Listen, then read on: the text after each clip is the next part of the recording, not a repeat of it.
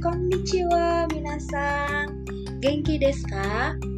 Kyo nichiyobi desu. Hari ini hari libur, jadi kita mau belajar yang santai-santai aja. Untuk episode kali ini kita akan belajar kosakata yang digunakan pada saat pandemi dalam bahasa Jepang. Yang pertama adalah pembatasan sosial atau PSBB. Bahasa Jepangnya Shakai Teki Kyori.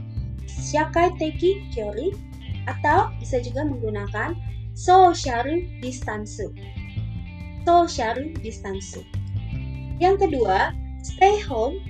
Bahasa Jepangnya stay home. Stay home atau ouchi jika. Ketiga, masker. Bahasa Jepangnya masuku. Masuku. Empat, jaga jarak. Bahasa Jepangnya Kyoryok Toru. Kyoryok Toru. Lalu yang kelima, lockdown, bahasa Jepangnya Heisa. Heisa atau lockdown. Lockdown. Enam, cuci tangan, bahasa Jepangnya tearai. Tearai. Tujuh, hand sanitizer, bahasa Jepangnya shushi Shodokuzai.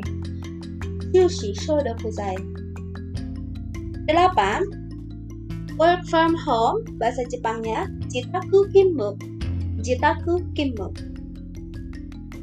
9. Karantina, bahasa Jepangnya keng eki. Keng eki. Isolasi mandiri, bahasa Jepangnya jiko keng eki. Jiko keng eki. Nah, itulah kosakata yang sering digunakan di masa pandemi ini.